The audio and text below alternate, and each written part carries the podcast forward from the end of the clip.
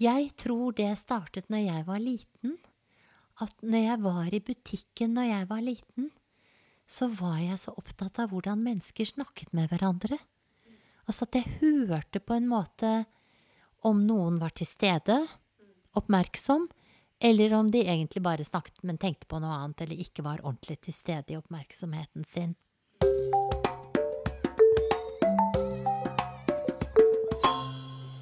Velkommen til Musikkterapoden. Dette er et samarbeid mellom Polyfon, kunnskapsklynge for musikkterapi, og Norsk forening for musikkterapi. I dag snakker vi med Unni Jons. Hun er både psykolog og musikkterapeut, og var en av de to første norske som tok utdanning i musikkterapi. Hun var også den aller første lederen for Norsk forening for musikkterapi. Godt lytt!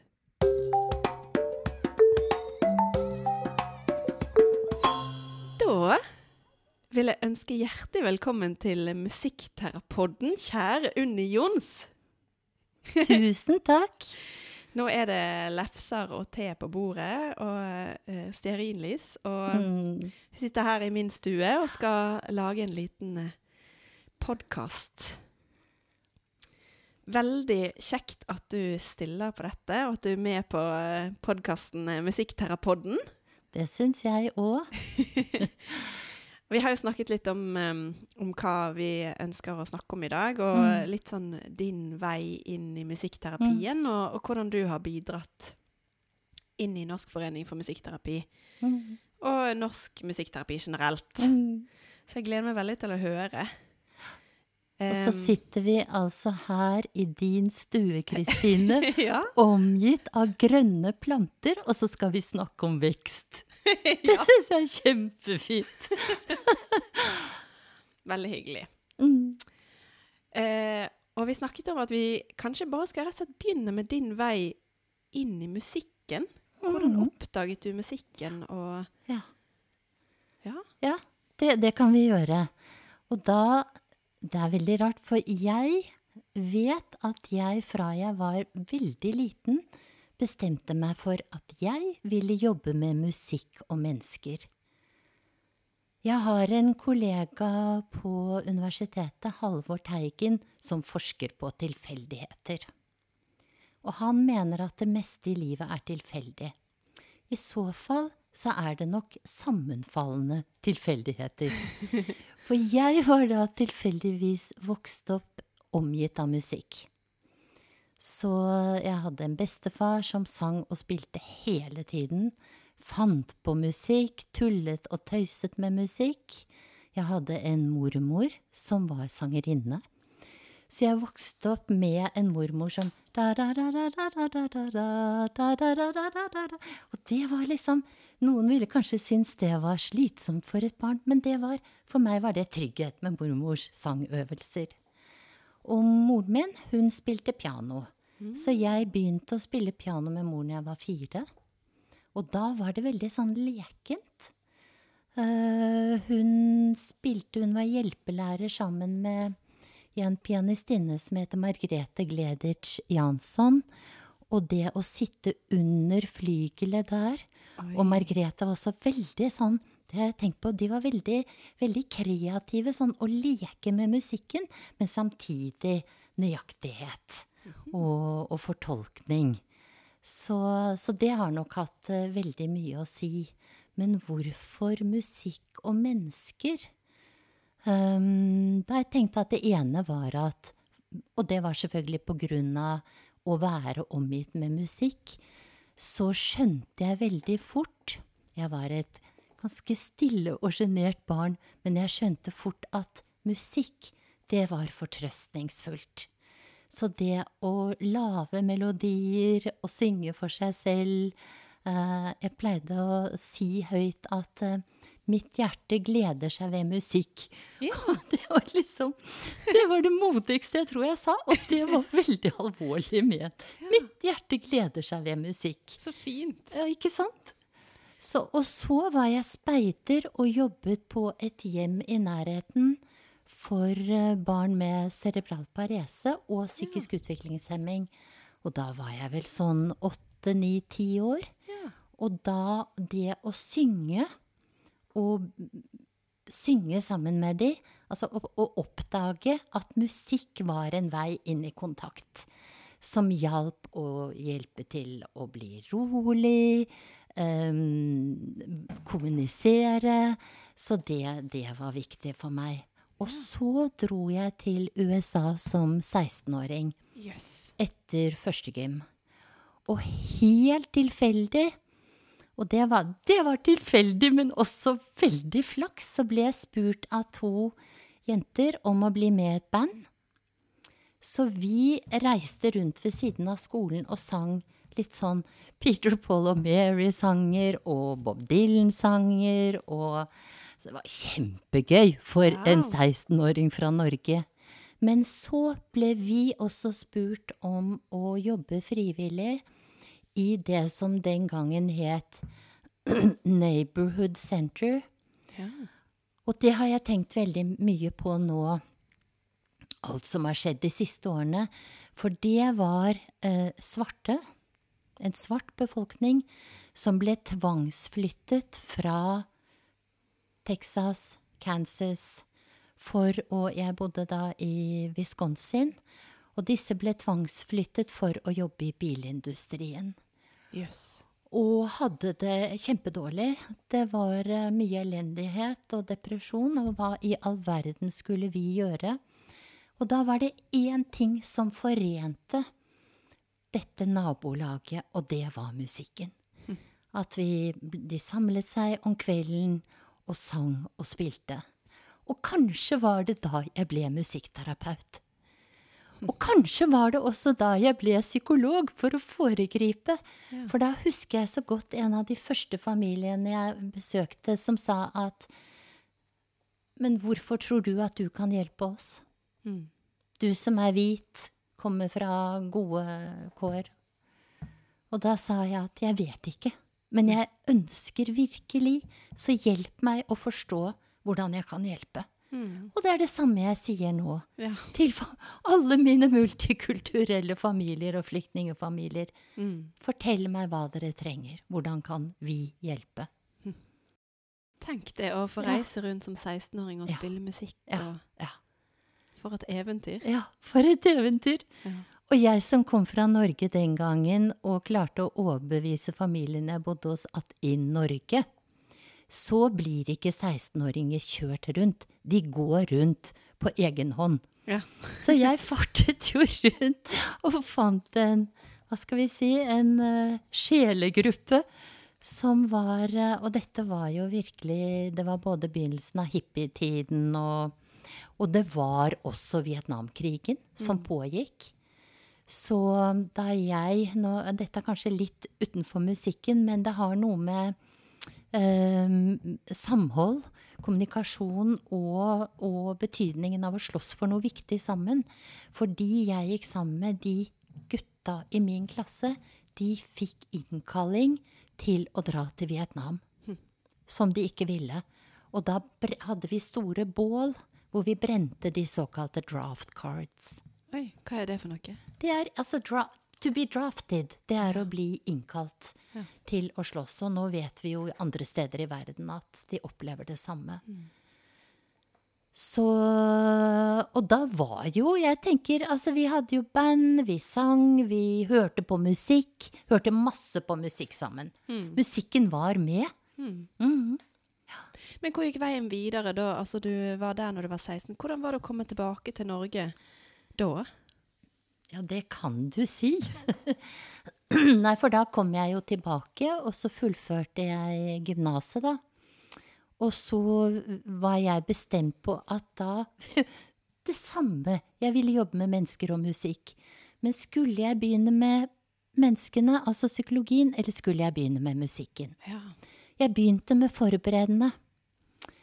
Og i frokostkjelleren hvor vi var den gangen, og tok forberedende og spiste fiskepuddingsmørbrød, der traff jeg ingen andre enn Trygve Aasgaard. ja. I frokostkjelleren. I frokostkjelleren! Den eksisterer jo den dag i dag. Ja, ikke sant? Mm. Den står den dag i dag. Og jeg traff også en, en det var flere, Vi var flere der. Og Arne Mykle, han laget et dukketeater og trengte noen til å skrive musikk. Så da sa vi selvfølgelig ja til det. Man sier ja til sånne spennende muligheter. Og det som er utrolig morsomt å tenke på eh, Og min kjære far, han syns dette var eh, en blanding av spennende, merkelig eh, For det vi gjorde da, var at vi dro til min kjellerstue. Trygve Aasgaard, Tore Aarholt og hvem nå var med. Trygve hadde med, med sinke, altså middelalderinstrumenter. Oi. Vi hadde et messingfat hjemme, og dette handlet om noe som var skummelt i en skog, sånn ka-plunk, ka-plunk med messingfat.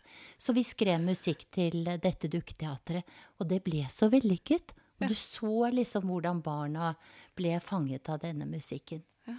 Så da begynte jeg like så godt på musikk. Ja. Vi var et kull med Jeg tror vi var syv studenter Mm. og én jente, og det var meg. Ja. På grunnfag. Og så kom det til en jente til. Mm. Og jeg var Altså, vi var de eneste fra Oslo, for de kom jo fra resten av landet. Mm. Telemark og Tromsø og Men det, det var eh, Altså, jeg tenker musikk den gangen var en gave å begynne på, Mm. for det var så lite kull. Eh, og ikke bare lite ditt eget kull, men hele instituttet var så lite at når vi hadde fest, så var det jo med lærere og studenter. Og det var jo he over hele fjøla. Det var grunnfag, mellomfag, hovedfag Ja. og lærerne. Hvilke, hva het det for noe? Musikkvitenskap. Ja. Og det var da i ja, enten åttende eller tolvte etasje i det som nå heter HF-bygget, og som lå rett vis-à-vis Psykologisk institutt, som var på SV-bygget på Blindern. Mm. Så jeg og jeg mener Even også, du må spørre han, men vi var i hvert fall tre som løp under kjellergangen over til Psykologisk institutt og fulgte forelesningen i psykologi grunnfag mens vi studerte musikk. Ja. Vi var lure den gangen. vi ville ha med oss alt. ja. Ja. Og så var det jo også i Dette var jo kvinnesaksperioden, ikke sant, begynnelsen av 70-tallet. Så, um, så når vi ikke studerte, tegnet vi plakater Mm. og gikk i tog og sang 'Vi er mange, vi er fria'. ja. Så det var en veldig spesiell tid, Mm. og veldig flott tid da, å få være en del av. Mm. Men da, skjønner du, når vi hadde fullført, eller ja, på slutten av musikk mellomfag, så er det Trygve og jeg sitter på gangen i åttende eller tolvte etasje og leser igjennom blader som ligger på bordet der. Og så ser vi altså at det er utlysning på musikkterapiutdanning i London. Ja. Som begynner Altså, opptaksprøvene er om en uke eller to. Så bare går vi, så ser vi på hverandre. Dette skal vi være med på. Så går vi inn på kontoret til professor Benestad, låner telefonen, eh, melder oss på opptaksprøve, eh, drar ned til byen og kjøper flybilletter, og sannsynligvis er det faren min som har betalt for dem, men jeg har ikke noe minne om det. Jeg aner ikke hvilket hotell vi bodde på, men jeg husker at vi sto i London og skulle på opptaksprøve, og så spør Trygve du, Unni, hva slags repertoar har du med? Og i det øyeblikket gikk det opp for meg at jeg hadde ikke forberedt noen ting. Jeg hadde ikke et eneste repertoar. Men når vi kom inn der, så var det fordi at vi kunne noe som de engelske studentene den gang ikke våget, som var å improvisere. ja. Så da begynte vi der. Hvordan var det da, å studere Ja, det var jo kjempespennende. Ja. For det var jo Da var det Juliette Alvin som var leder. Og holdt sin hånd over dette studiet som hun hadde utviklet. Og det var jo De hadde jo fått eh, Det har jeg tenkt på, for det Vi vet jo at det er mange steder i verden i dag hvor musikkterapiutdanningen ikke er godkjent. Ikke sant? Som en høyere utdanning, eller i det hele tatt. Og, og dette var jo godkjent, og Guildhall School of Music and Drama var jo en veldig anerkjent musikkhøgskole. som jeg ikke visste før jeg kom hjem og sa jeg hadde gått der. Og andre 'Å, har du gått der?' Så, så vi måtte ta diplom i såkalt musicianship ved siden av, så du måtte ha hovedinstrument og biinstrument å gå opp til eksamen i. Og du måtte også kunne f.eks. improvisere slutten på en liten Mozart-stykke eller noe. Så du, det var ganske høye krav Mm. til musicianship. Og så kom det musikkterapeutiske ved siden av. Ja, jeg syns det var en, en uh, utrolig spennende uh, utdanning. Og hvor de også var opptatt av integreringen som jeg eller vi, da, som startet utdanningen, var opptatt av integrering av praksis. At du hadde praksis, grundig praksis, hele veien. Og jeg husker jeg tok toget en time syd for London, til et stort psykiatrisk sykehus Ja. uh, for å ha praksis, eller en annen institusjon med psykisk utviklingshemmede. Så, og hvor du måtte skrive rapport og virkelig reflektere og diskutere. Mm. Så, så jeg syns jeg lærte utrolig mye. Mm. Eh, Vi var vel en gruppe på Vi var vel ikke mer enn seks-åtte studenter. Så vi fikk jo veldig tett kontakt oss imellom. ja. Og så rett, Og reiste så- du tilbake til Norge da etterpå? Og så kom jeg jo tilbake til Norge. Og da tenkte jeg at nå må jeg Da var jeg jo fortsatt veldig ung. Var det noen før dere som hadde tatt den utdanningen? Ingen. Så dere var på en måte de første Ja. som hadde Ja. utdanning som musikkterapeuter De i Norge? De aller første som startet med musikkterapiutdanning. Mm. Og så dro jo Trygve til Skottland for å bli sykepleier underveis, Ja. Uh, som han kan fortelle om. Mm. Men vi var de to første uh, norske som begynte, på, og begynte å studere musikkterapi. ja. Så da jeg kom hjem, da var det jo Det var ukjent. Um, helt ukjent. Mm. Uh, det rare var at jeg fikk faktisk stipend fra KUD, altså den gangen Kirkeundervisningsdepartementet, til eh, utdanningen, enda de visste ikke hva musikkterapi var. Ja. Så det jeg tenkte må også være noe med den tiden Ja. at, eh, at også i departementet så var de mer åpen for å støtte nye utdanninger da. Og de visste jo at det bygget på noe som var anerkjent. Ja, for var det, var det sånn generelt at du, at du syns at du ble møtt med, med positiv holdning til, til det at du var musikkterapeut? Ja, nysgjerrighet. Mm. Nysgjerrighet, og eh, ingen visste hva det var. Så eh, jeg regner med at eh, du har også spurt, eller svart noen ganger, Kristine, på hva Musikkterapeut, ja. Hm. Det høres veldig spennende ut, men hva er det, da? Så ut, hvor ja. mange ganger vi har forklart det, Ja. og hvor mange ganger jeg har forklart det Du ble i hvert fall veldig god til å forklare hva det var, da. Ja. Eh, både enkelt og komplisert, ettersom hvem som spurte. Nettopp.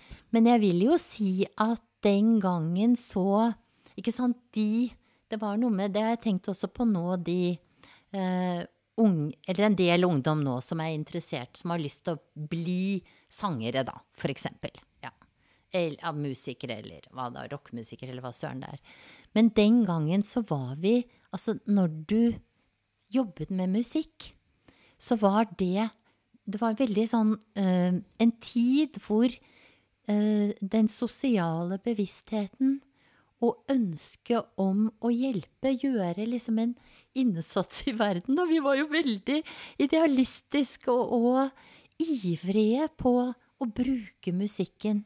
Mm. Så, og jeg må nok ha tenkt jeg, jeg visste jo ikke at det fantes musikkterapi, men jeg husker enda da jeg tok, nei, da jeg, da jeg tok uh, musikk grunnfag, så gikk jeg bort på en spesialskole i nærheten og lurte på om jeg kunne få ha musikkundervisning med barna der. Sånn at det å prøve å finne ut en måte uh, en måte jeg kunne bruke musikken til å hjelpe barn og ungdom og mennesker, da. At det, det var en bevissthet der. Mm. Og jeg tror jeg var Jeg var nok ikke den eneste, men det var tilfeldig at vi oppdaget denne utdanningen. Mm. Det var tilfeldig! Ja, tilfeldig. Og det var kjempeflaks. Ja. Ja. Men så, når jeg kom tilbake, da tenkte jeg at eh, Hva gjør jeg nå? Mm. Jeg visste ikke. Eh, så da tenkte jeg at nå fortsetter jeg med psykologien. Mm. Og så gjorde jeg det. Og så får jeg en telefon fra Haug skole om jeg kunne tenke meg å begynne der.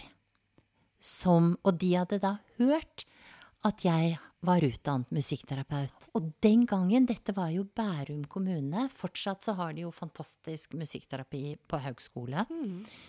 Så det, det, det kan vi være stolte av. Altså når man etablerer en god tradisjon et sted, Mm. og den bærer. Og jeg tenker at det ene var at Bærum kommune er en rik kommune. Mm. Og så hadde de en leder for styret som var veldig opptatt av musikk.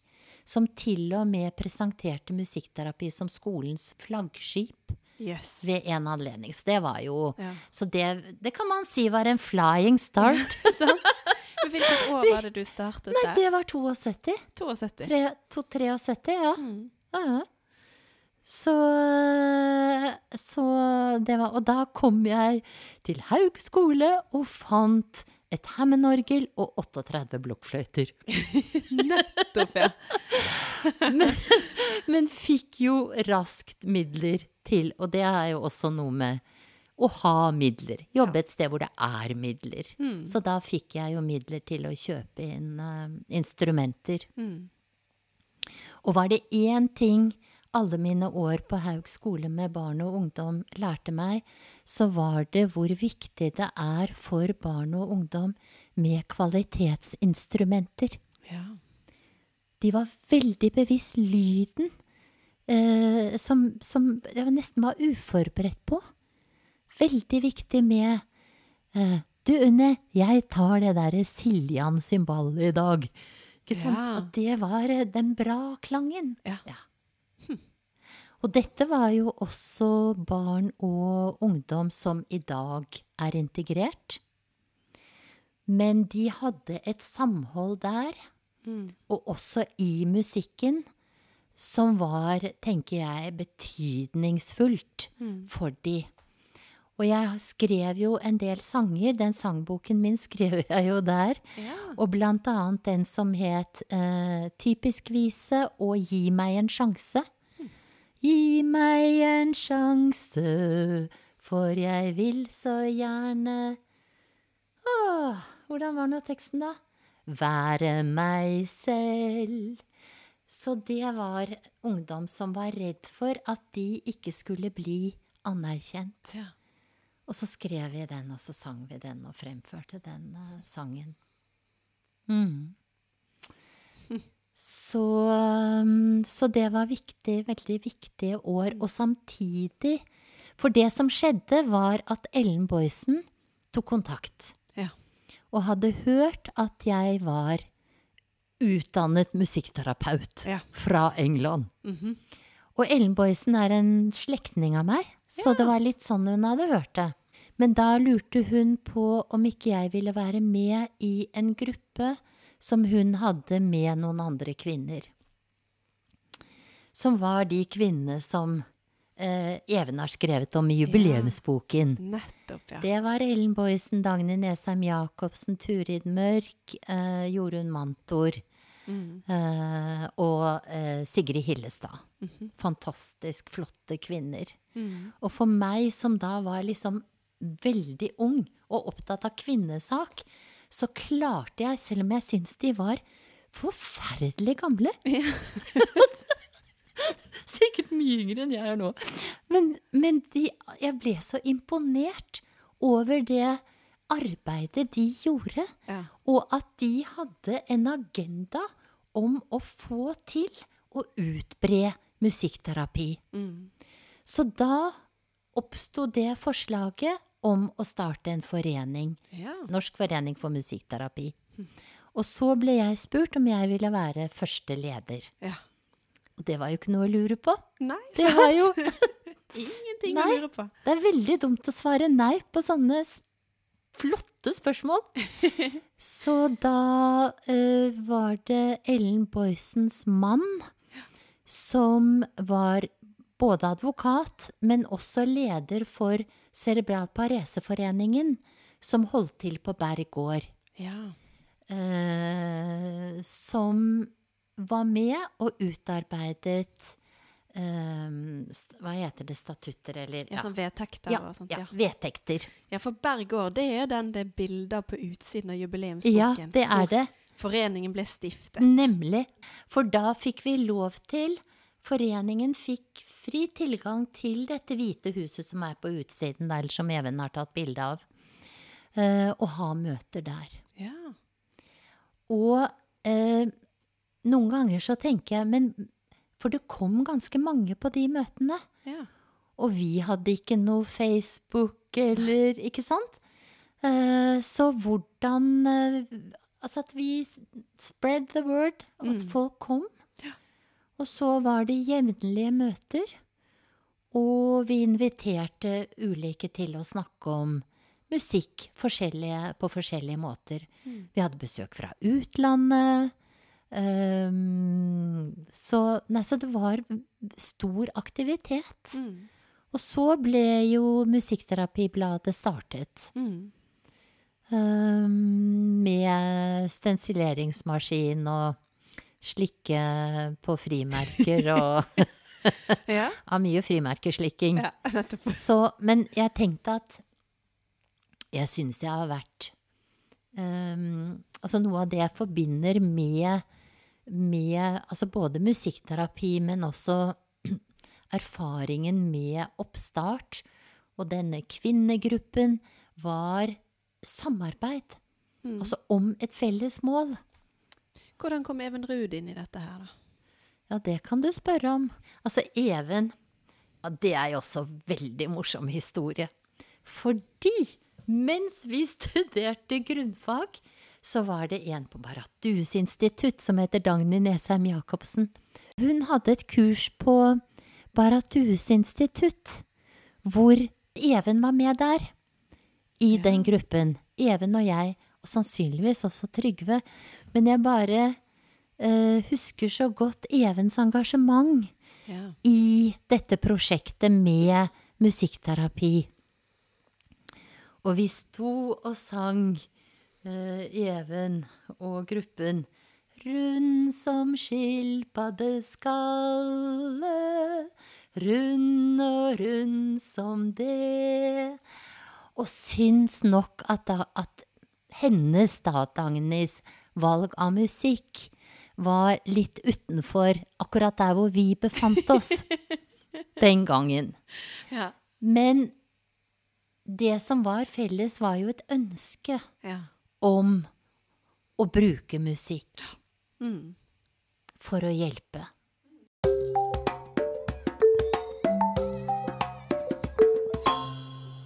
Og så, hvordan gikk veien videre da? Da var foreningen startet, og dere hadde møter på Berg gård. Ja. Og eh, spørsmålet var jo hele tiden hvordan skulle vi fortsette, og hva kunne vi gjøre for at det skulle fortsatt skje utvikling eh, innen musikkterapi. Og vi visste jo, vi hadde vel allerede begynt å å si, tenke på og, å uttrykke at vi trenger en utdanning på sikt. Så, så det var jo eh, på en måte med på Det var en drivkraft også i foreningsarbeidet. Og så har jeg tenkt for Nå gjør jeg et kjempelangt hopp, Kristine. Ja. Men når vi som tema for konferansen i år hadde dissonanser og konsonanser. Så var det jo fordi at det selvfølgelig også oppsto dissonanser og uenighet og eh, eh, spørsmål om liksom hva, hva Hvilken vei skal vi gå? Men jeg tenker at i hvert fall sånn som jeg opplevde det, det at vi klarte å komme videre, og at nå vet, nå vet vi jo at hvis det ikke er Altså hvis alt er perfekt og bare hyggelig, så skjer det ingenting. Det skjer ingen utvikling. Så vi trenger dissonanser og konflikter for å komme videre. Nettopp. Og for å gi vekstmuligheter. Så poenget er bare å ikke la det føre til et sammenbrudd, Ja. men å opprettholde kamp, kampviljen, da. Og de gode intensjoner og målet, ikke minst. Ja. Sånn at når da Altså, jeg Nå gjør jeg et lite tilbakeblikk. Da vi var på Guildhall, Trygve og jeg, så møtte vi Paul Nordoff og Clive Robins. Og de besøkte en som heter Sybil Beresford Pierce, som var engelsk musikkterapeut og en drivkraft i å etablere utdanningen i London i 74 Ja. med Paul Nordoff og Clive Robins. Men før det så besøkte de Sybil, og så ville jo Trygve og jeg at de også skulle komme til vår utdanning på Guildhall og snakke. Men det ville ikke Juliette Alvin. Og, og så har jeg tenkt at det ikke av vond vilje eller egentlig fordi hun ikke var interessert, men det sier noe om hvis du er på en måte den eneste og litt overlatt til deg selv å være ansvarlig for en utdanning, og ikke ha en støttende gruppe rundt deg, eh, så kan det oppleves truende og slippe til andre som kanskje studentene blir mer begeistret for. For det hadde jo hun også skjønt, Ja. at det var en begeistring rundt disse to mennene. Mm. Så det som skjedde da, var at um, disse to litt rebelske norske studentene smuglet de inn en kveld i kjelleren på Guildhall School. Smuglet inn Nordoff Robins. Ja. Den går vel ikke på engelsk, denne podkasten? Nei, Nei da. Men for hvis det, Ikke sant, det var noe med å være ung og ivrig. Så Men så kom jo Nordoff og Robins til Norge. Ja. Uh, I 73. Så Og da har jo Tom fortalt mye om hvordan han ble kjent med de, og hvordan de ble invitert til Emma Hjorts hjem. Og så var kimen til om foreningen skulle lage en utdanning, eller en, kort, en, en eh, kortere et kurs, da, Ja. med Nordoff og Robins. Eh, og, og da tenker jeg det sier ganske mye om den tiden, for det kostet jo penger. Mm. Eh, så Tom og jeg hadde møte med overlegen der, som var bare positiv. Men så gikk jeg til departementet igjen for å be om penger til kurs. Og ga meg ikke før jeg fikk det. Ja. Og det også, den derre Det falt meg ikke inn at hvis jeg ikke liksom maste lenge nok og forklarte lenge nok, at vi da skulle få det. Så her, er- her har det vært mange gode hjelpere. Det er Og- rart å tenke på nå, da. At du bare gikk og banket på døren til departementet og sa sånn Hei, Ja. Ja. vi trenger en utdanning. ja. Så da, da fullførte de det kurset, og så i 73, og så startet utdanningen på Goldie Lee, eller The Goldie Lee Course, i 1974. Og da var vi jo faktisk fire norske som gikk den utdanningen. Ja. Og det var jo det eneste lengre kurset de holdt. Hvor, hvor lenge varte det? Nei, det var bare et halvt år. Ja. Det var det. Men det var jo tre år i et halvt år. Det var jo fra morgen til kveld. Intensivt. Alt vi gjorde ble tatt opp på bånd Ja. og gjennomanalysert. Mm. Og da var det sånn at fra å være skrekkslagen, så begynte du å se deg selv utenfra. Mm. Så også de studentene jeg har nå, syns det er skummelt å å ta opp seg selv på bånd. Ja, det er klart det Er er jo skummelt. det. Ja. Er jo det. Og særlig i en situasjon hvor du er sårbar. Mm. Og det er jo noe med å være musikkterapeut. At stemmen vår, sangstemmen, stemmen er noe av det mest intime vi har. Mm. Sånn at man blir sårbar. Helt sant. Og da var det nyttig med en utdanning hvor du ble tvunget til å høre Mm. på deg selv hele tiden. Ja. Med Paul Nordoff som kunne si noe sånt som at But how could you do that? Or why did you? Ja. Men samtidig veldig støttende og utviklende. Mm. Hvordan gikk veien? Altså, hvordan fortsatte samarbeidet med, med, med Nordorf Robins? Da dro jo vi hjem til Norge. Mm. Og musikkterapiutdanningen, eller arbeidet med musikkterapiutdanningen, allerede i gang. Ja. Så, og der var jo Even en primusmotor. Mm. Uh, men det å virkelig detaljplanlegge utdanningen Der kom jo bakgrunnen som jeg og Tom hadde fra Nordoff og Robins, med improvisasjon. Mm. Det var vel kanskje det viktigste, at vi var opptatt av å ha med improvisasjon Ja. som et kjempeviktig eh, fag Mm. helt fra starten. Mm. Så, så i 1975-76 kanskje, så satt Even og jeg i min lille hytte langt ute i skogen med hver vår baby og en gammeldags skrivemaskin og laget detaljer for utdanningen. Skrev emneplan og Ja, Nettopp. det var begynnelsen. mm. Og så var det Og så startet jo utdanningen i 78, Ja. ikke sant? Og det er jo en annen historie. Og det er en annen historie. Det er en annen historie. Men at foreningen Mm. For det var det som var noe av, eh, av det mm, vi sitter og reflekterer omkring nå. Mm. At den har hatt eh, enorm betydning. Mm. Og at uten foreningen vet jeg ikke om vi hadde eh, klart å lage en sånn solid og samlende utdanning Mm. som det ble. Ja. Med improvisasjon som et hovedspor.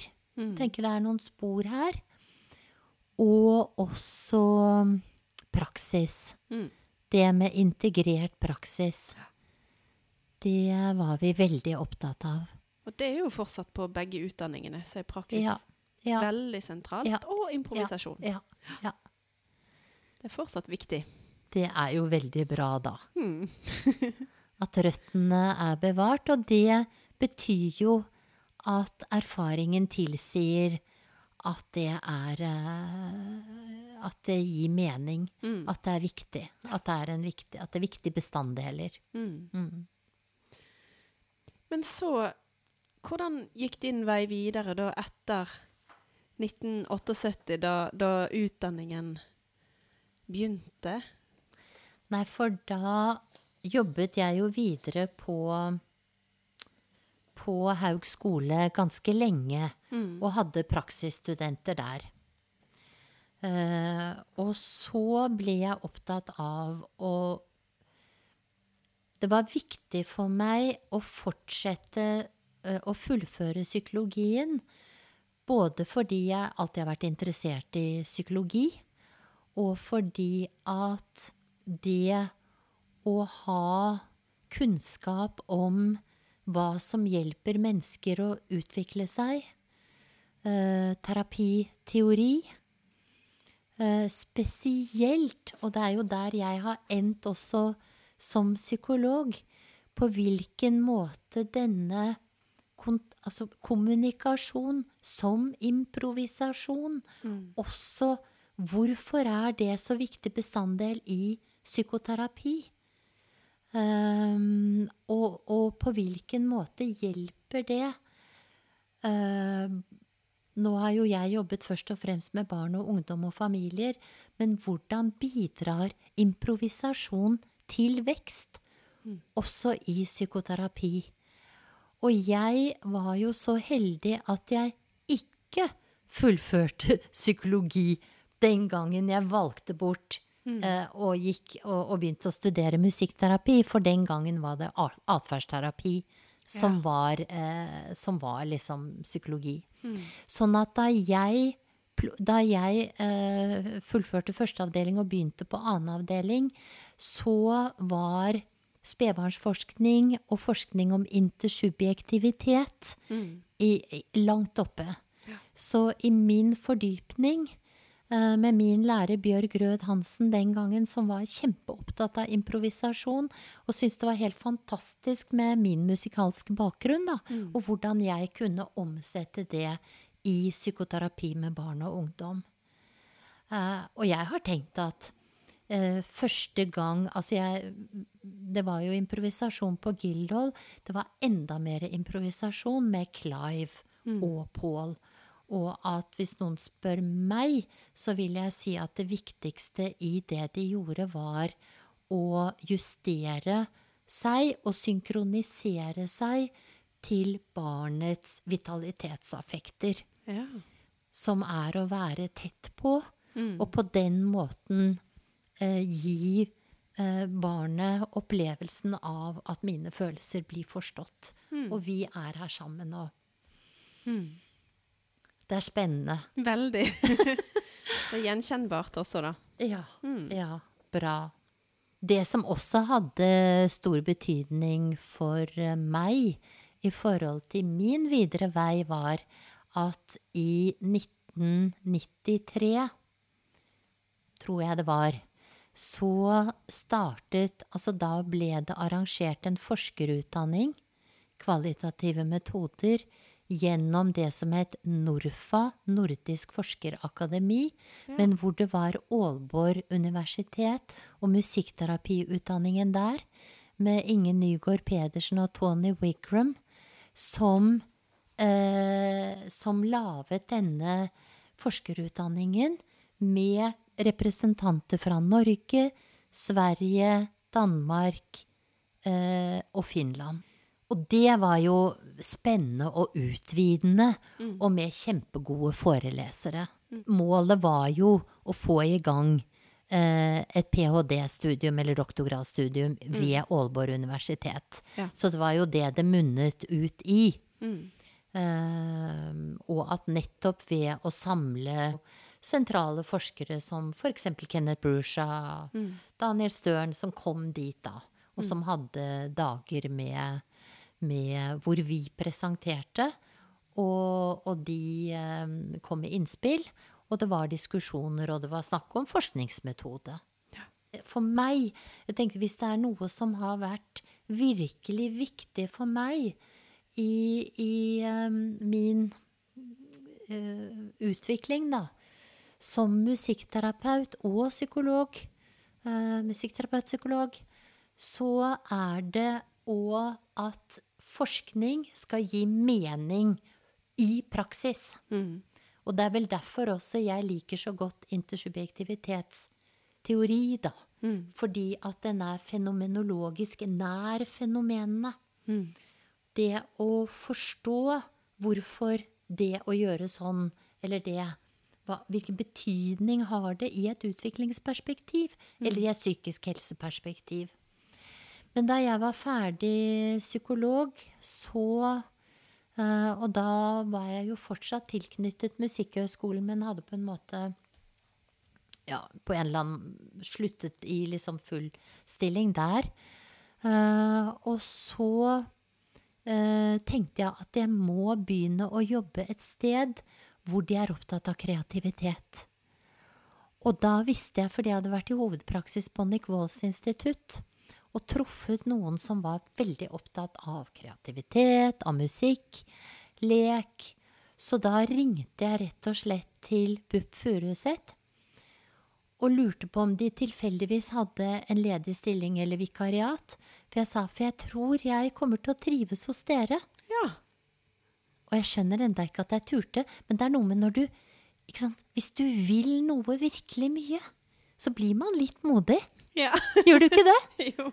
Så jeg ringte, og det tror uh, sjefpsykologen der, som også var leder, ble litt overrasket.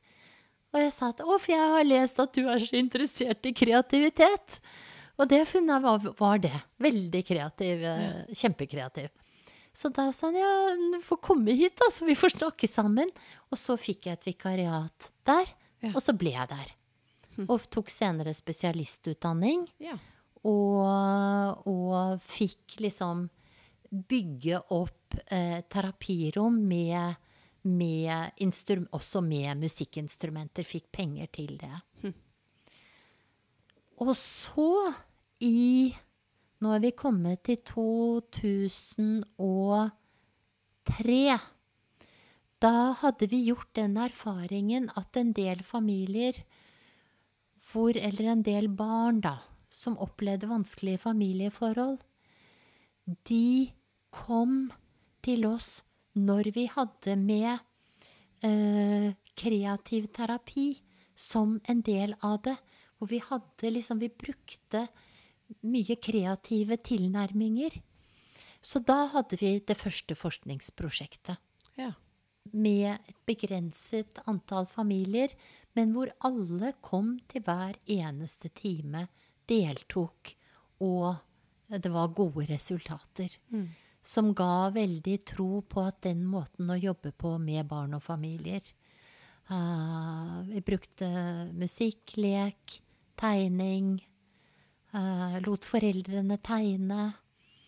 Uh, at det er en veldig god måte å arbeide fordi at det er en måte å gi mennesker mulighet til å være nær følelsene sine uten at uh, du må omsette det i ord, Mm. som er vanskelig for mange, Mm. og spesielt vanskelig for barn. Men som barn kan, Mm. når de får hjelp til å få bedre kontakt, og at det blir mer nærhet. Så dere hadde en veldig allsidig kreativ tilnærming, da? Ja. Mm. Ja.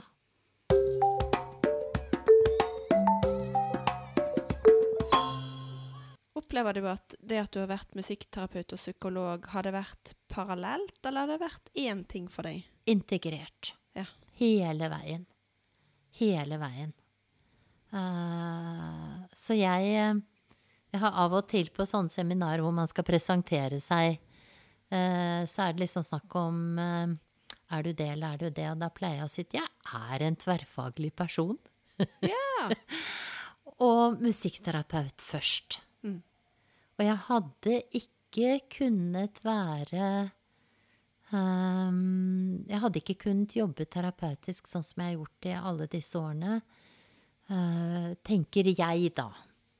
Hvis ikke jeg hadde hatt med meg musikkterapien Mm. Og, og alt det representerer.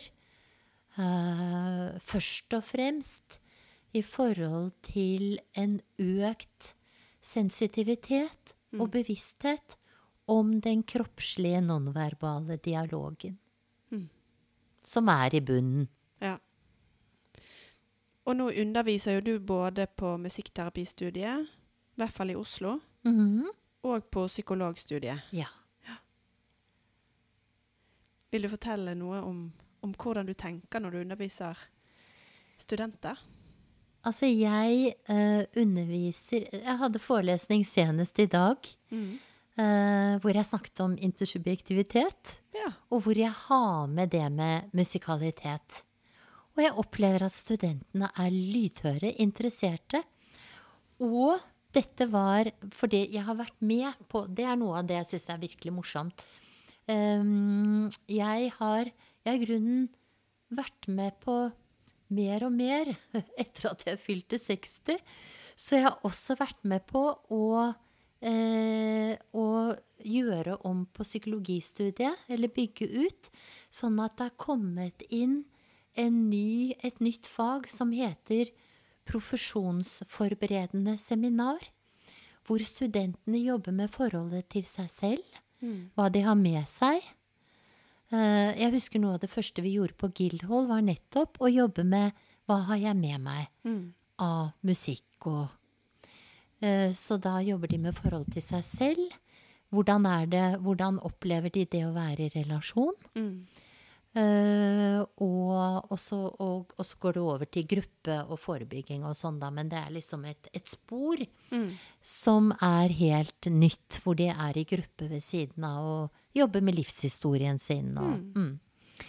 Men i dag så hadde jeg forelesning sammen med en som heter Eva-Lill Bølstad Karvold tidligere, som uh, jobber mye med tilknytning, og, til, og, vi, og hun er veldig opptatt av musikk.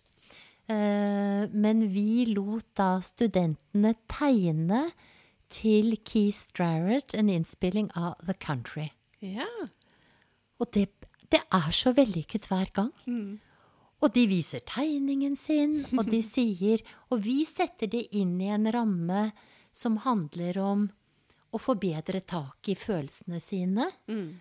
Og både som en måte å bli bevisst hvilke følelser som er der, men også at musikk er en måte å håndtere følelser eller regulere, som er et ord jeg ikke er noe glad i. Men, men det er noe med når du er trist, når du er glad, og dette er jo noe som vi er opptatt av i musikkterapi også. Mm. Men hvor en som, som fagperson så trenger du også å lære å tåle usikkerhet Mm. og håndtere følelser. Uh, og hvor musikk kan være et sånn, en sånn hjelp, da. Mm. Mm. Jeg er jo uh, først og fremst opptatt av, av kunnskap om barn og ungdom. Uh, og jeg opplever at, det snakket jeg forresten også om i dag, hvordan flere og flere av de ungdommene jeg jobber med, de kommer med musikk og vil at vi skal høre på det sammen. Mm. Og, og hvor det har betydning. Og at det å ha det Streve psykisk og komme og få hjelp At jeg syns det er så mange ungdommer jeg jobber med som er så det, At det er mer åpenhet, Mm. og at de er glad for det. At f.eks. mobiltelefonen kan ringe, og ungdommen sier 'Hei, du, du skjønner jeg sitter hos psykologen min'. Veldig ålreit. Mm. Veldig ålreit.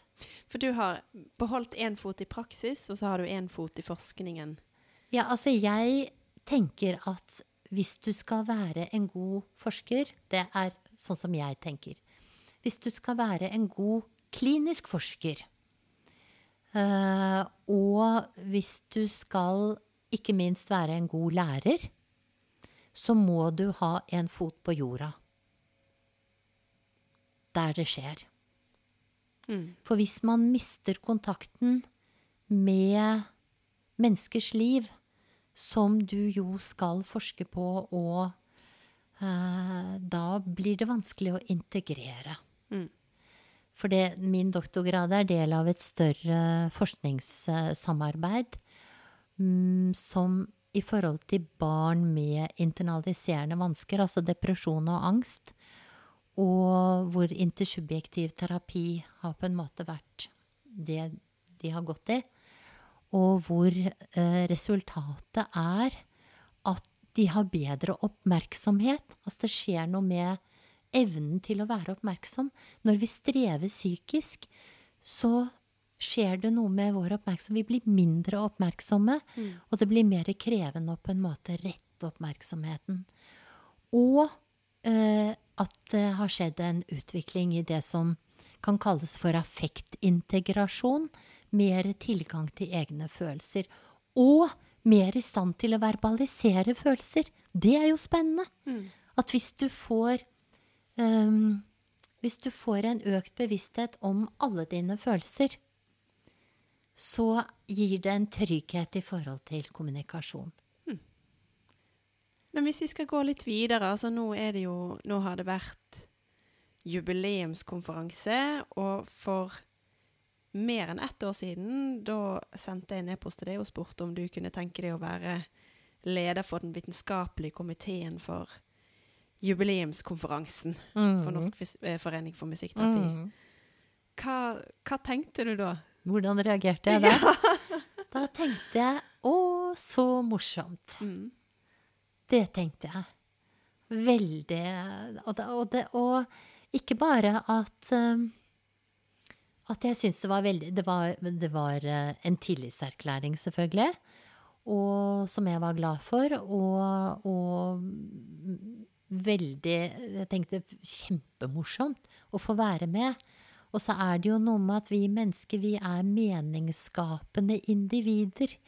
Det er noe med vi, vi liker at ting gir mening. Mm. Og det da å ha vært den første leder i foreningen, og så bli spurt om å lede den vitenskapelige komiteen for 50-årsjubileet, det, det ga veldig mening. Mm. Ja.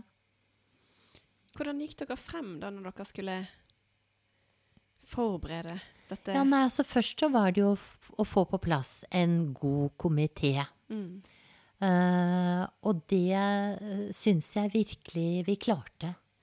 uh, I samarbeid, Mm. Kristine. Så og, en, en, en kjempegod komité, for det, det er jo igjen um, Hvis noe skal bli bra, Mm. så må du ha eh, personer å spille på eh, som kan samarbeide. Mm. Og at eh, komiteen besto av eh, kjempeflotte musikkterapeuter som hver og en representerte ulike områder. Og det er jo en kjempeforandring fra for 50 år siden. Ja. For da var det jo ikke Da kunne du ikke si 'hun jobber innenfor eldreomsorgen', 'hun jobber innenfor sånn og sånn'. Så, så bare det eh, ble et veldig tydelig eh, En tydelig markering av all den utviklingen som har vært. Mm. At det faktisk nå er ulike områder hvor det er ikke bare én, men mange musikkterapeuter som jobber og er med å utvikle feltet. Vi hadde jo mange, mange Zoom-møter underveis. Og det å bli enige om tittel, det å Jeg tror vi Det i seg selv var spennende å komme frem til på hvilk, hvilket perspektiv Mm. ville vi løfte frem Mm. uh, 50 år med 50 års historie. Mm. Og at dette med dissonanser og konsonanser som en mulighet til å belyse den utviklingen som har vært, Mm. at det var på en måte den beste måten Mm. å løfte frem både utviklingen, men også dagens praksis. Det var vel noe eh, eh, jeg i hvert fall var veldig opptatt av. At eh, det å organisere konferansen slik at vi løftet frem de ulike områdene. Mm. Eh, og at vi prøvde jo, som du husker, å lage liksom musikalske titler på alt hele veien, da. Mm. Eh, sånn at det var dagens grunntone, Mm. ikke keynote. Og ville, he ville heller ikke ha tradisjonell keynote med én person som står og snakker om en fin forskning, men ha disse ulike grunntonene. Og, og det, det gir mening for meg å tenke på det som grunntoner i musikkterapi. Du må ha med praksis. Mm. Du må ha med profesjonsutvikling. Og du må ha med forskning. Mm. Og at det har skjedd utvikling innenfor alle de tre feltene. Mm. Og at hvis du tar bort det ene, så river du beina under eh, alle tre. Mm. For det er jo det. At disse er eh, en integrert enhet. Mm. Hvor, hvor det er tre bein Mm. som musikkterapi står på, og som bidrar til utvikling. Du kan ikke ta bort forskning. Du kan ikke ta bort praksis. Og uten det så skjer det heller ingen profesjonsutvikling. Mm. Så da, var, da dukket den ideen opp med å ha grunntoner, altså gammeldagse keynotes, Mm. hvor det var representanter for ulike områder innenfor praksis, Mm. innenfor profesjonsutvikling, som kunne eh, presentere, og at det kunne være en dialog. Mm. Så derfor så ble det det Og, og da eh, tenkte jeg at det gir veldig mening å starte med praksis. Mm. Og der startet foreningen. Ja. Foreningen startet i praksis. Det var ikke et fnugg av forskning. Mm. Og profesjonsutviklingen, den drømte vi om, Mm. men det var en begynnende praksis. Mm. Hva tror du? Hvor, hvor er norsk musikkterapi om 50 år?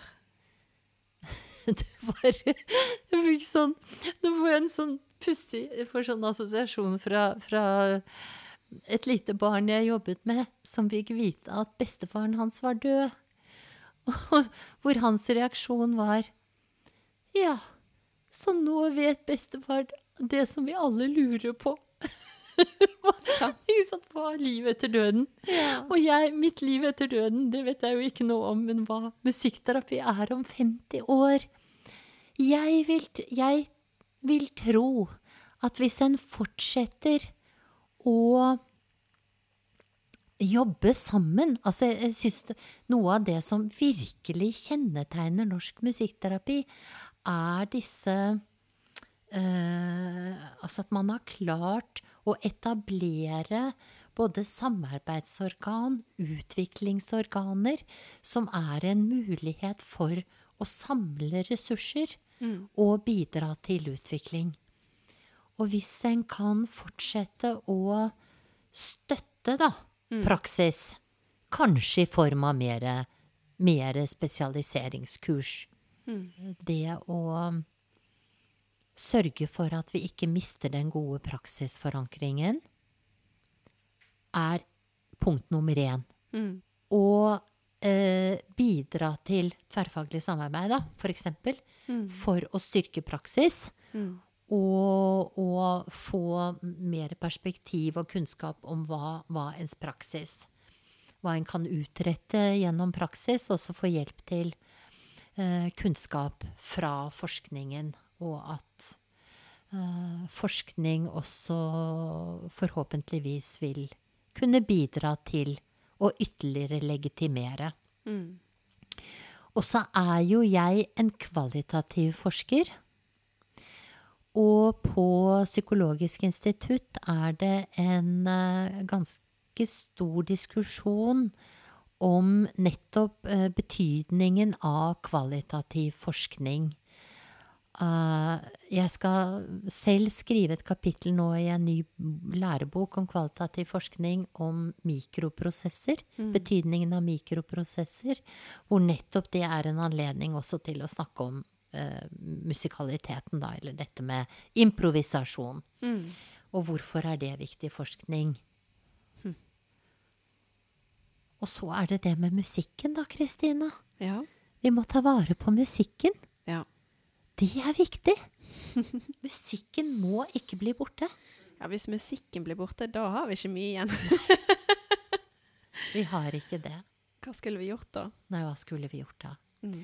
Men jeg tenker jo at um, det å At det er Det blir en veldig spennende utfordring å forske enda mer på betydningen av musikken i terapi. Hvordan gjør vi det? Mm. Det tenker jeg det er, det er kjempespennende. Ja. Og da trenger vi jo nettopp å ha med begge deler. ja. Hvis du skulle gitt et, et råd til en ung musikkterapeut, hva ville du sagt da? Ja, jeg er jo ikke så veldig glad i å gi råd.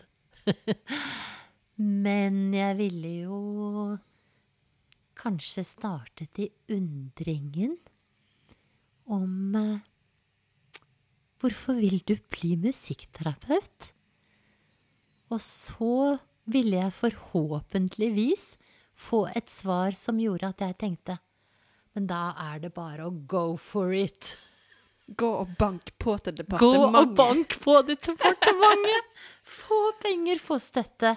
Ikke gi deg. Og søk andre musikkterapeuter. Mm. Og lykke til.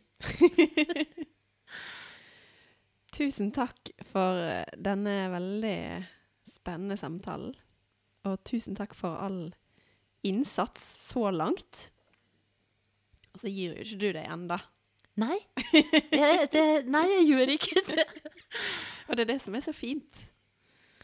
Det er vel det jeg sier når liksom øh, Men øh, er du ikke sliten, eller når Nei, men det må jo være musikken.